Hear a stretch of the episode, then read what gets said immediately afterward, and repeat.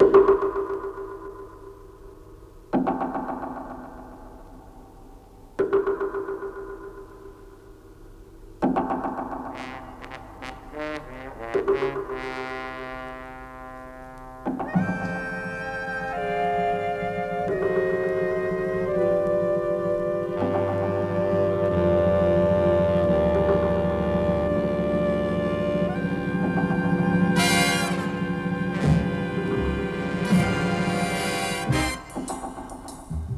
Triffids.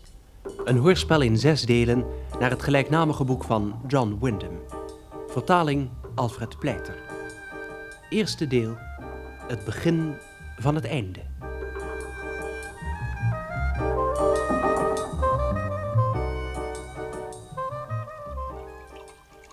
Ben je klaar? Bijna. Alleen dit nog even afdrogen. Ik zal je wel even helpen. Nou, hier is een doek. Is dit voor geks? Een heel speciale distilleerkolf. Voorzichtig. Het heeft me uren gekost om hem te blazen. Al het scheikundige glaswerk ziet er net uit alsof je er koffie in zou kunnen zetten. Dat zou ook best gaan. Als er vandaag de dag nog zoiets als koffie bestond tenminste. Schiet je een beetje op? Ik mag niet mopperen, maar eh, ik heb meer kolen nodig. En je hebt pas nog een ton gehad? Oh, maar daar heb ik lang niet genoeg aan. Lieverd, wat wil je daar toch mee? Keukenzout distilleren uit zeewater. Daaruit ijzerig natrium maken en tenslotte natriumcyanide. Hoop ik. Maar er is toch wel een simpele manier om aan zout te komen? De dichtstbijzijnde zoutmen is helemaal in Worcestershire. En het dichtstbijzijnde kolenmijn? Veel dichterbij. In Kent. En hoe wil je daar komen? Hier vanaf het Island White in deze moeilijke tijd. Er ligt een landingsvaartuig voor tanks op het strand bij Coos. Het schijnt nog vrijwel intact. En Michael denkt dat hij de motor wel kan repareren. Ik ga het comité voorstellen dat we daar dan een bulldozer en een half dozijn vrachtwagens in laden, langs de kust naar Dover varen en proberen of we van daaruit het binnenland kunnen bereiken. Je zou er wel eens een warme ontvangst kunnen krijgen. Oh, we kunnen wat meel en lappen stof meenemen om met de mijnwerkers te ruilen. Wanneer er tenminste mijnwerkers zijn. Nou, die waren er vorige maand in ieder geval nog wel. Ivan is er heen geweest met de helikopter. Ze hadden de zaak tamelijk goed georganiseerd. En deden heel vriendelijk. We zouden een geregelde ruilhandel met ze kunnen beginnen. Hè? Dat lijkt me veel beter dan huis in huis naar overgebleven kolen te gaan zoeken. Gek dat de mensen over het algemeen nog maar zo weinig kolen in huis hadden. Ah, het was ook al mei. Toen het gebeurd is? Oh ja. Nu is het ook alweer mei. Zes jaar geleden. Oh, hallo, Bill. Josella, Ah, Ellery. gelukkig dat jullie er nog zijn. Eh, dag Hillary. Nou, we wilden net gaan. Niks daarvan. Ik heb dit ding eindelijk aan het lopen gekregen. Voornamelijk voor jou. Wat is dat? Een bandrecorder. We hebben hem eindelijk weten aan te passen aan het voltage van de generator. En nu moeten jullie er allebei in praten. Over wat? Over alles. Het is voor onze afdeling geschiedschrijving. Waarom juist ik?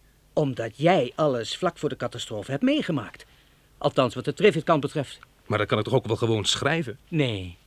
Om twee redenen niet. In de eerste plaats omdat je dat toch nooit zult doen. Nou. En in de tweede plaats omdat het meisje dat het moet uitwerken blind is. Zoals je best weet, omdat zij een van jouw vrouwen is. Sheila bedoel je? Ja. Laten we dus nou maar meteen beginnen. Maar dat hoeft toch zeker niet vanavond al Jawel, meteen? jawel. Want ik wil gebruik maken van iedere minuut dat de generator draait. Ah. Begin maar. Je hebt makkelijk praten. Het valt niet mee om je zo opeens terug te verplaatsen in het begin van de 70 jaren. De mensen die toen leefden hadden geen begrip voor de meeste dingen die ons nu bezighouden. Wij leefden toen toch ook? Nou, jij kan hooguit drie zijn geweest. Ik was negen jaar toen er een zekere Umberto Palangues op bezoek kwam bij de directeur van de Noordelijke en Europese Visoliemaatschappij. Het was niet het eerste bezoek dat hij daar bracht. Ah, gaat u zitten, Mr. Palangues. Dank u. Sorry dat ik u bij uw vorige bezoek niet te woord heb kunnen staan. Maar ik had een belangrijke bespreking. Oh ja. Wij hebben het oliemonster dat u hebt achtergelaten in ons laboratorium laten analyseren. Oh ja. Ik moet zeggen, interessant. Heel interessant. Ik had wel gedacht dat hij dat zou zeggen. Het is natuurlijk een plantaardige olie. Maar met een veel hoger gehalte aan vitamine dan al die dierlijke vetten die men uit visolie maakt. Ja, ja, dat geef ik toe. Om u de waarheid te zeggen, wij hebben iets dergelijks nog nooit eerder gezien. Dat komt wel. Over een jaar of acht wordt de wereldmarkt ermee overstroomd. Denkt u dat heus?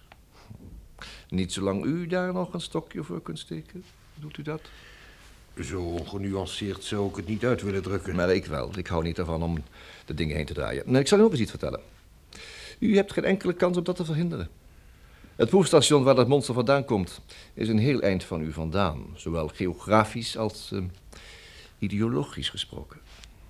Wat bent u voor landsman, Mr. Palangues? Ik ben Zuid-Amerikaan, maar dat doet er hier niets toe. Ik ben wereldburger en ik heb overal relaties. Ik heb iets gehoord over experimenten met het vitaminiseren van zonnebloemolie. Maar dat is het niet. Nee, geen zonnebloemen. Een of andere noodvrucht? Nee, het schijnt een volslagen nieuwe soort te zijn. Hier hebt u er een afbeelding van. Grote goedheid. Wat is dat in hemelsnaam? Weet u zeker dat het wel een plant is? Absoluut. Het lijkt wel een kruising tussen een giraf en een Schotse terrier. Het is een kruising tussen een heleboel, waaronder een paar bijzonder griezelige. Nog over een paar jaar brengt het een veel betere olie dan de uwe voor tegen nog niet de helft van uw prijs. Wat hebt u aan te bieden? En hoeveel wilt u daarvoor hebben? Ik breng u binnen een half jaar een pak kiemkrachtig zaad. Maar daar wil ik 100.000 pond voor hebben. Werkelijk? Wanneer u alle aspecten van deze zaak bekijkt, zult u toch wel moeten toegeven dat dat bijzonder redelijk is. Ik zal het toch eerst met mijn mededirecteuren moeten bespreken. Natuurlijk, dat begrijp ik.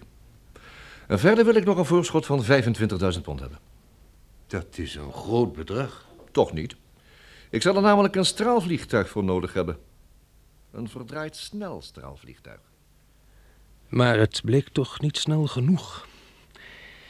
Hij landde s'nachts op een kale vlakte in Siberië. Een man met een pak onder zijn arm holde naar het vliegtuig, stapte in, waarna het onmiddellijk weer startte en steil steeg.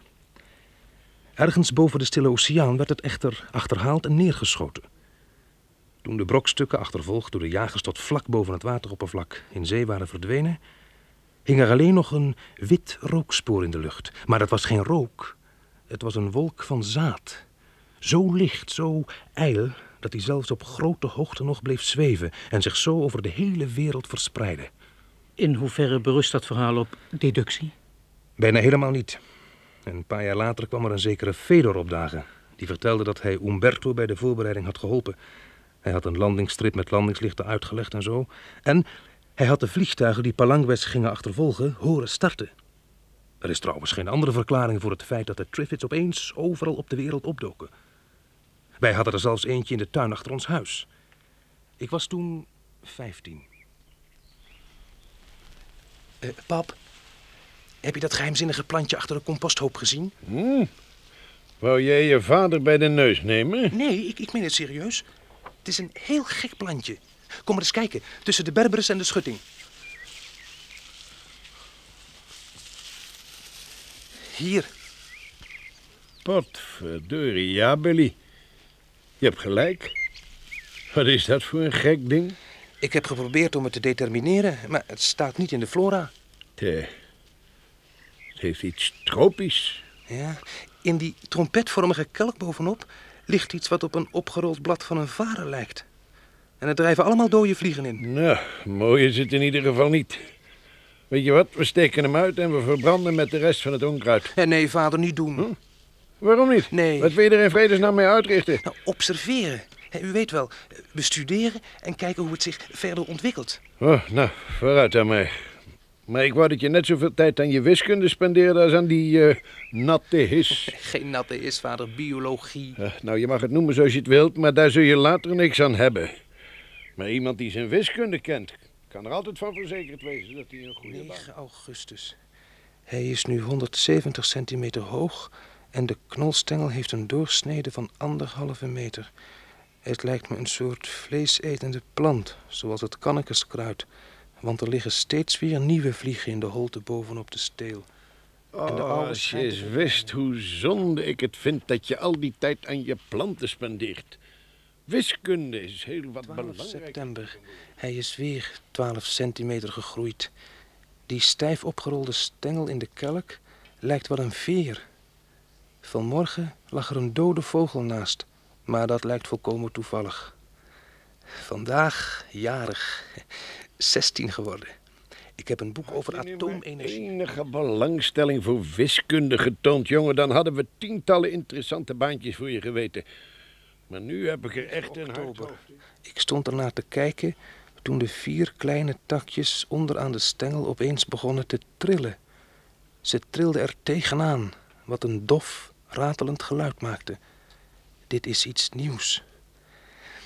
Ik heb gesolliciteerd op een advertentie in de krant voor de researchafdeling van de Noordelijke en Europese Visoliemaatschappij. Ik vermoed dat het iets met walvisstraan en palm- of, of aardnotenolie te maken heeft. Het lijkt me wel interessant, maar ik word natuurlijk toch niet aangenomen. Gaat u zitten, Mr. eh, Eh, Mason, meneer. William Mason. Juist. Mijn naam is Lackner. Ik ben hoofd van de researchafdeling. Vertel eens iets over jezelf.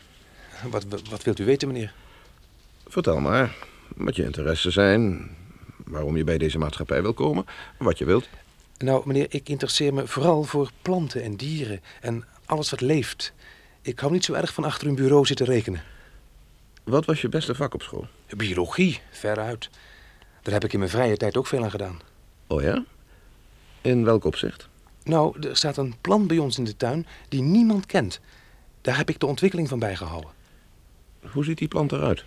Hij heeft een ronde, met bladeren bedekte bolstengel... die op het ogenblik een diameter van 210,5 centimeter heeft. Daaraan ontspringt een stengel met een omtrek van 82 centimeter... die 120 centimeter boven de bol uitsteekt. De totale plant is nu 2 meter en 10 centimeter hoog. Nou, nou, dat klinkt heel grondig. Ja, Vertel me eens hoe je er verder uitziet. als een soort eh, harige giraf zonder poten... en een vlezige kelk in plaats van een kop. Wat? Eh, Sorry meneer, het is niet zo'n goede beschrijving. Dat is het juist wel. Zitten er vier takjes aan de voet van die stengel? Ja, En in die kelk zit daar een opgerold ding in dat een meeldraad zou kunnen zijn? precies. Wacht dan maar eens eventjes.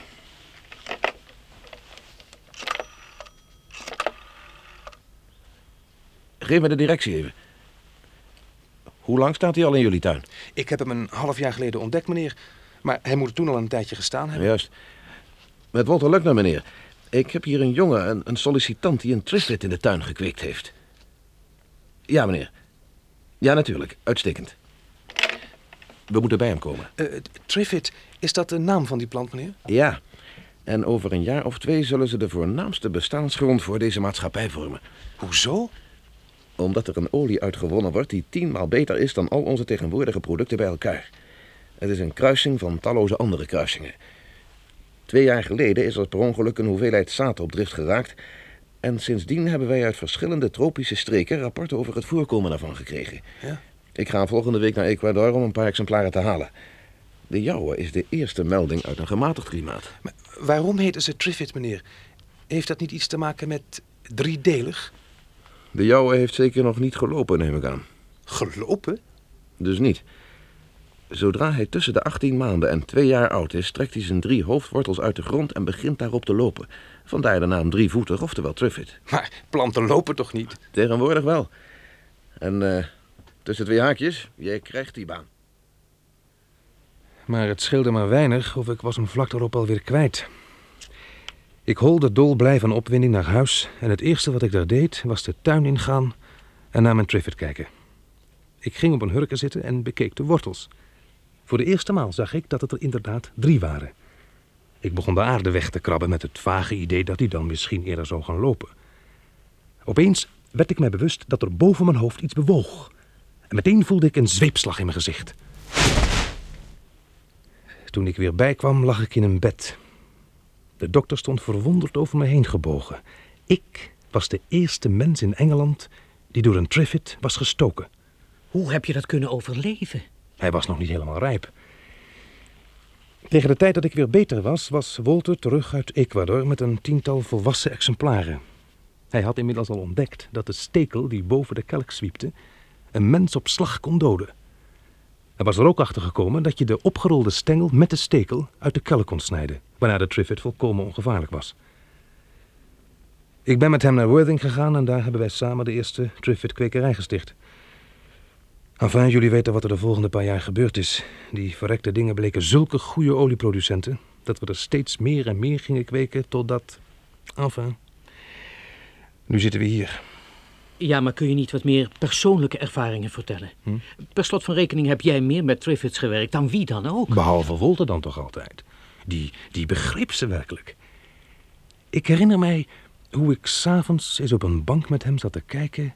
naar een akker vol met volwassen, maar gekluisterde Triffids. De zon ging net onder.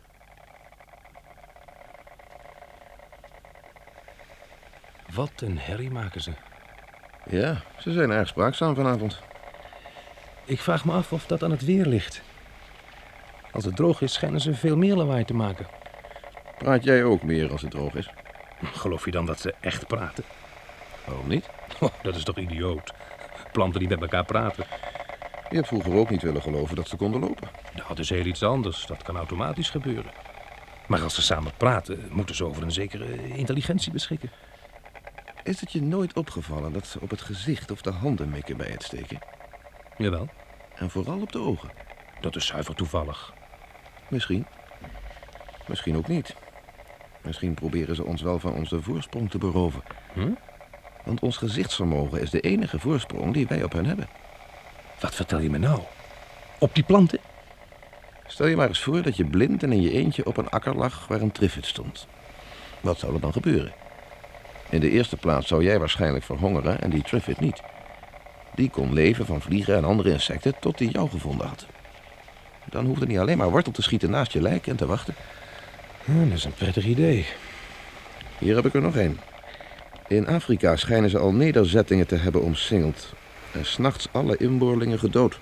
Maar we hebben nooit zoiets als hersens kunnen ontdekken. Ze zijn precies als alle andere planten als je ze uit elkaar haalt.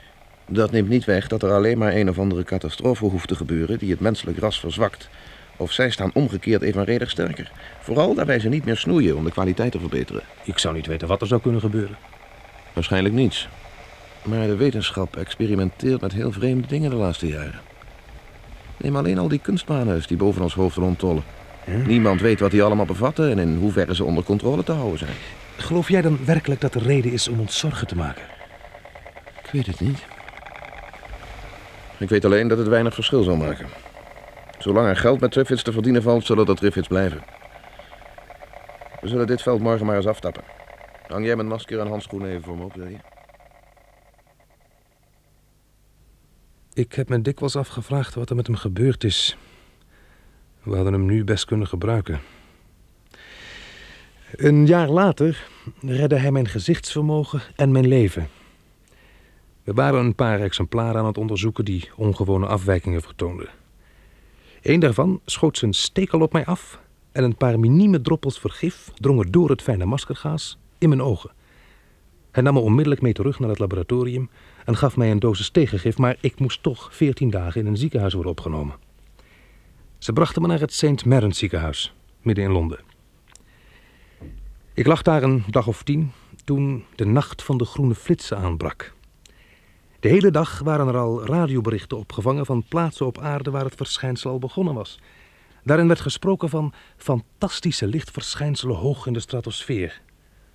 En toen de avond aanbrak stond praktisch iedereen op het dak of voor een raam in afwachting van gratis vuurwerkshow. En nauwelijks was de duisternis gevallen of ik hoorde overal de a's en de o's. Niet alleen van de zusters en andere patiënten, maar uit de hele stad.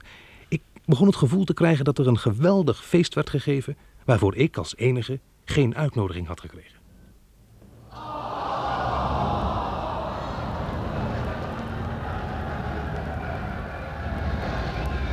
Zuster, doet u alstublieft het raam dicht. Oh, het is zo prachtig, Mr. Mason, werkelijk. Ze zeggen dat het door een komeet veroorzaakt wordt. De hele hemel is vol groene en witte lichtflitsen. En felrode dubbeldeks autobussen die met gierend rammelende versnellingsbakken door de straat denderen, ja. U kunt toch ook wel kijken door een dicht raam? Oh, oh, hebben we vanavond een beetje de bokkenbruik op? Het is natuurlijk ook zielig dat uw ogen vanavond juist nog in verband zitten. Maar nog één nachtje slapen en dan is het leed weer geleden. Hoe laat denkt u dat dokter Palmer morgenochtend komt? Meestal om half twaalf. Maar het kan ook wel eens wat later worden. Oh! Eh, wat is er? Oh, dat was een heldere. Je zag opeens de hele straat. Iedereen staat op de daken te kijken. Weer eentje, oh prachtig. Oh, wat jammer dat u dat niet kunt zien. Ja, hè? Maar voor mij hoeft u echt niet te blijven. Gaat u maar ook gauw op het dak. Heeft u echt niets meer nodig? Hm, geloof er niet. Staat mijn radio nog op zijn plaats? Ja, Dan ga ik nou maar. Ik kom straks natuurlijk ook naar u kijken. Welterusten, slaap lekker. goeie nacht.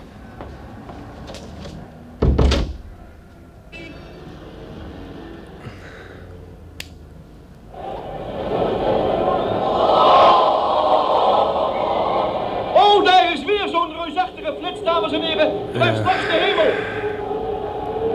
U zult de enorme mensenmenigte waarschijnlijk wel horen. Zij genieten als kinderen bij een vuurwerk. Ik sta hier boven op Primrose Hill en ik zie van hieraf... Ik zie van hieraf honderdduizenden mensen die omhoog staren naar dit zeldzaam schitterende schouwspel. Dat twaalf uur geleden is begonnen boven de Stille Oceaan. En sindsdien door zeker 90% van de wereldbevolking moet zijn gezien. Men neemt aan dat de aarde door een brede gordel van meteorengas koerst, welke veroorzaakt worden door een komeet.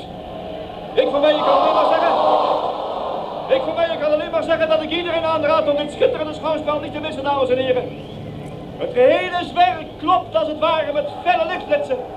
En het silhouet van Londen staat helemaal tot aan de heup af, afgetekend. Haarscherp afgetekend tegen het hardgroene schijnsel. En alle van Londen altijd zo typische figuren ten ook niet meer present zijn in de menigte.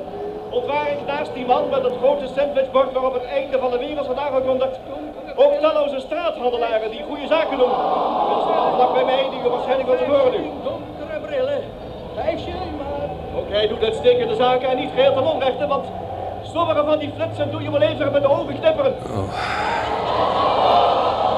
Oh, daar was weer zo'n prachtige. Hou je Het bek. lijkt wel als een permine. Dan wil ik maar gaan slapen.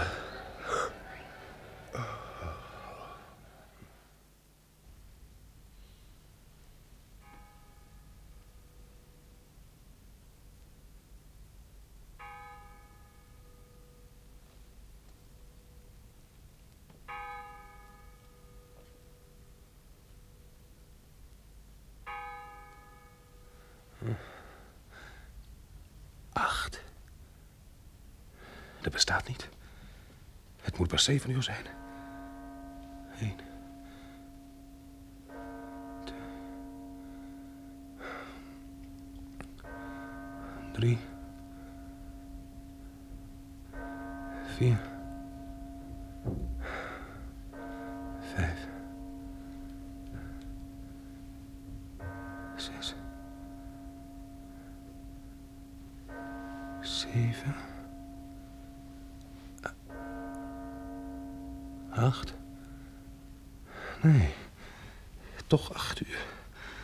Oh, wat een rot ziekenhuis. Waar is mijn bel?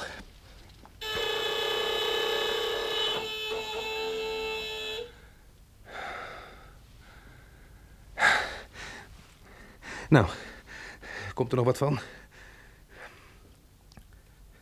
Zuster. Zuster. Hé, hey, hallo. Zuster. Zuster. Een stelletje stommelingen. Laat hem maar zomaar liggen. Stel dat de brand uit zou breken. Dat is het natuurlijk. Er is brand uitgebroken. En ze hebben mij domweg vergeten. Help! Help! Help! Wie is daar? Is er iemand? Wiens, wiens kamer is dit? De mijne. Bent u de chirurg niet? Ja. Bent u het, Mr. Mason? Ziet u dat niet? Nee, Wat? ik ben blind. Toen ik wakker werd, was, was, was ik blind. Ik, ik zoek iemand om me te helpen. Ik zie helaas ook niets. Tenzij u mij van dit verband kunt verlossen. Waar, waar bent u? Hier, hier. Ja. Nee, dat is het voeteind van mijn bed. Nee, langzamerhand hierheen. Kom maar. Pak, pakt u mijn hand maar. hè. Ik heb zo'n idee dat wij een komisch duo lijken. Ik kan er niet om lachen. Nee, ik ook niet als die behandeling niet geholpen blijkt te hebben. Hierachter zit iets als een pleister die ik niet los kan krijgen. Deze? Ja, precies. Ja, dank u. Gaat het? Nee, niet erg. Nee. Ik geloof dat u het beter zelf kunt doen. Oh ja. Zijn, zijn de gordijnen nog dicht? Eh, ik denk het wel. Er is niemand binnen geweest om ze open te doen, tenminste. ik denk dat de hele stad nog een kater heeft van het feest gisteravond.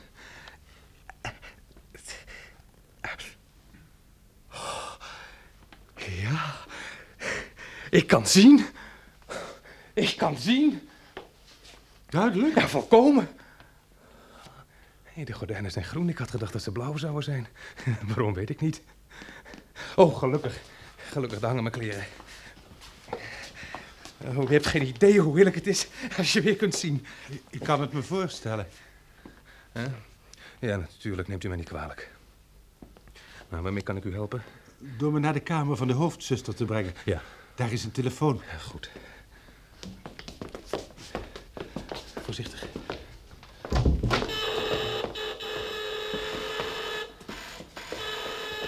En hierheen. Pakt u mijn arm maar. Gaat het? Ja, Het lijkt hier wel een gekkenhuis. er moet toch ergens een zuster zijn? I- Is die kamer aan het eind van de gang? Ja. Ziet u die glazen deuren? Ja. De kamer van de hoofdzuster is de laatste deur rechts. Hé, daar! Kom eens hier! Kom eens hier! wacht even, er wordt geroepen in die zaal. We kunnen beter even gaan kijken wat er is.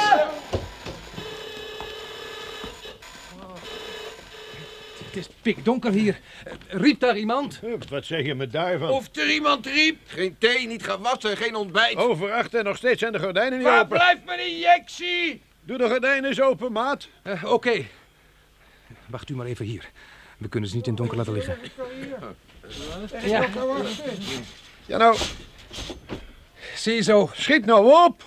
Eh, Wat bedoelt u? Ja, probeer met mij nou niet de kachel aan te maken, maat. Doe die gordijnen open, we zien geen pest. Vrouw, schiet op. Maar, maar ze zijn open, kijk dan. Hij is ook blind, net als ik. We zijn allemaal blind. Vlug, laten we maken dat we wegkomen.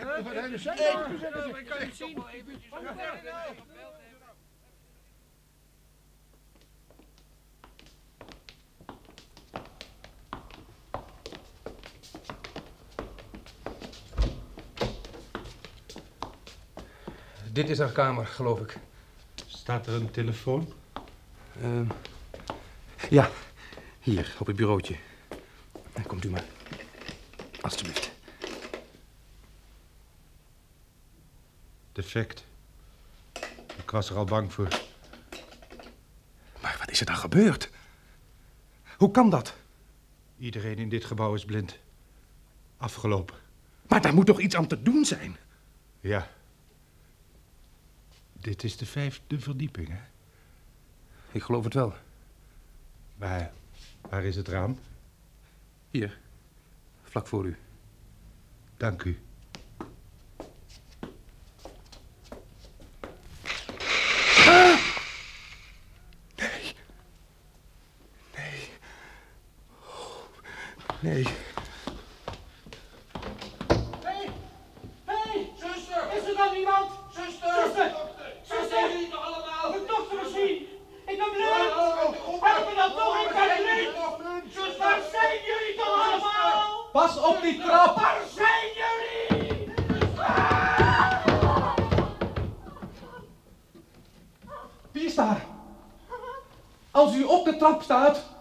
bent, niet bewegen.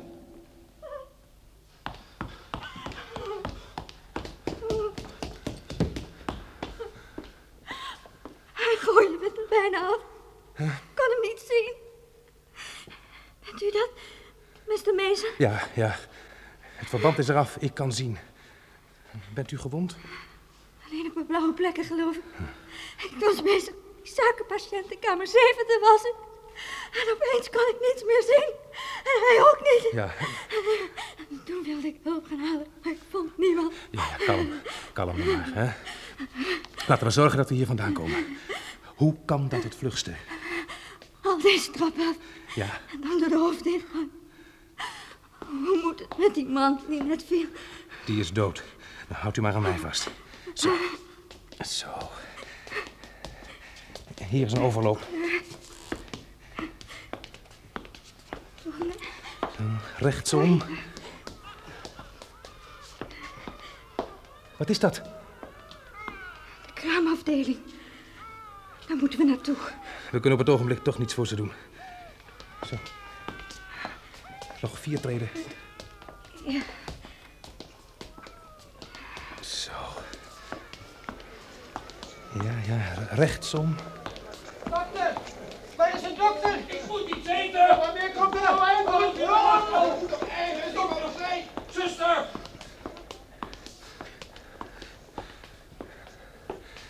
Ziezo. Hier is de hoofdingang. Nu gauw naar buiten. Nee, ik blijf liever hier. Ik wil niet naar buiten. Maar het lijkt wel een gekke huis hier. Dat zal het overal wel wezen.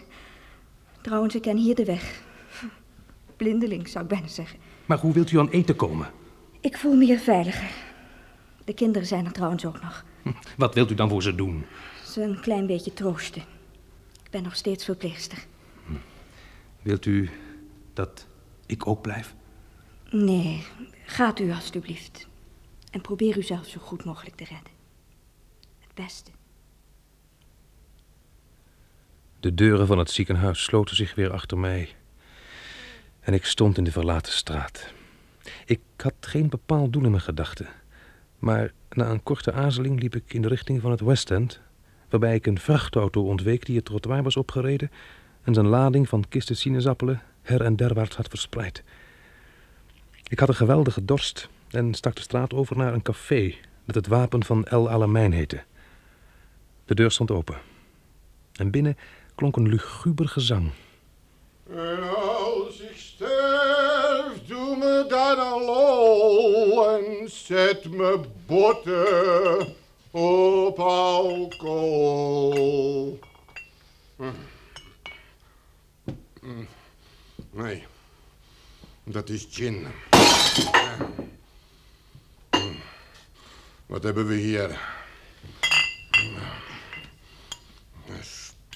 Port. De zenuwen voor die port. Hé, hey, Wie is daar? bent u open? Heb ik niet net een fles door het raam gesmeten? Natuurlijk ben ik open. Ik wil wat drinken. Waar komt u vandaan? Uit het ziekenhuis. Kan u zien? Ja. Is dit whisky? Wat ik hier heb? Eh, nee, crème de menthe. De zenuwen voor de crème de menthe. Zoek eens een fles whisky voor me op. Dokter, Oké, al ben ik dan geen dokter. wat ben je dan? Ik was eh, patiënt. Alsjeblieft, hier is whisky. Bedankt.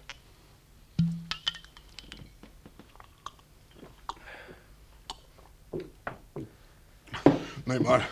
Neem maar wat je hebben wil. Ja, ik heb trek in een cognacje. Oké, je gaat je gang maar. Zeg, u eh, wordt stom dronken als u zo achter elkaar naar binnen giet, hoor. Ik ben al dronken. En ik moet nog veel bezopener worden. Ik ben blind. Weet jij dat? Hartstikke blind. Iedereen is hartstikke blind. Behalve jij. Dat komt door die rottige, stinkende komeet. Daar komt dat door. En nou is iedereen hartstikke steken blind. Heb jij die... Heb jij die groene flits ook gezien? Nee, nee. Alsjeblieft, alsjeblieft. Klopt als een bus. Jij hebt ze niet gezien. Jij kan nog zien. De rest van de mensen heeft er wel naar gekeken. Allemaal hartstikke blind. Alle mensen? Weet u dat zeker? Maar luister maar. Normaal kan je je eigen niet verstaan als de buitendeur open staat. Ik begrijp wat u bedoelt. Het is toch zeker zo duidelijk als wat? Ja, bent u de eigenaar? En wat zou dat? Ik wil graag afrekenen. Vergeet het maar. Zal ik je zeggen waarom? Omdat je je poen toch niet kan meenemen. Als je dood bent, heb je daar niks meer aan. Nog een, nog een paar slokjes. En het is met me gedaan. Nou, u ziet er anders kerngezond uit. Wat, wat, wat voor zin hebben het om nog te blijven leven... als je hartstikke blind bent. En de rest van de wereld ook. Dat zijn maar wijven. Ze had gelijk. En, en, en ze, had, ze had meer lef als ik. Toen ze merkte dat de koters ook hartstikke blind waren... heb ze ze mee naar onze slaapkamer genomen en ze in ons bed gelegd. Toen heb ze de slang van de gashaard getrokken en de kraan opengedraaid. Gemig. Ik had het lef niet om bij ze te blijven. Maar dat, dat komt wel. Als ik nog een paar slokjes op heb. En als ik bezopen genoeg ben, dan ga ik naar boven. Nee, nee. Laat ze toe. Nee. Waarom niet? Nee. Kan jij mij één reden geven waarom ik dat niet zou doen? Omdat dat verkeerd Maar is. wat is verkeerd? Ja, ja. En wat is goed eh, als alles voor je afgelopen is? Als jij dat niet inziet, ben je nog blinder dan ik. Ook al heb je nog goede ogen. Ik ga direct leggen. Ik heb niet meer geprobeerd om hem ervan af te brengen. Ik heb gewacht tot ik hem de trap op zag lopen. Toen heb ik mijn glas leeg gedronken en ben naar buiten gegaan. De doodstille straat in.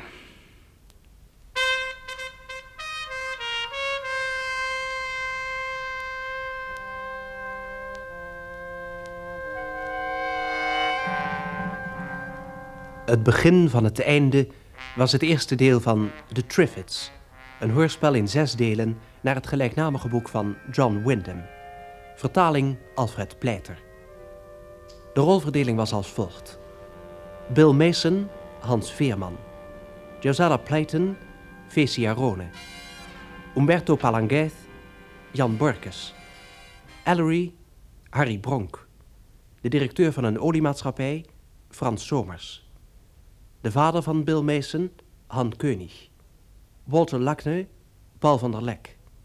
Een verpleegster, Joke Hagelen. Een chirurg, Willy Ruys. En een caféhouder, Johan de Sla. De regie had Dick van Putten.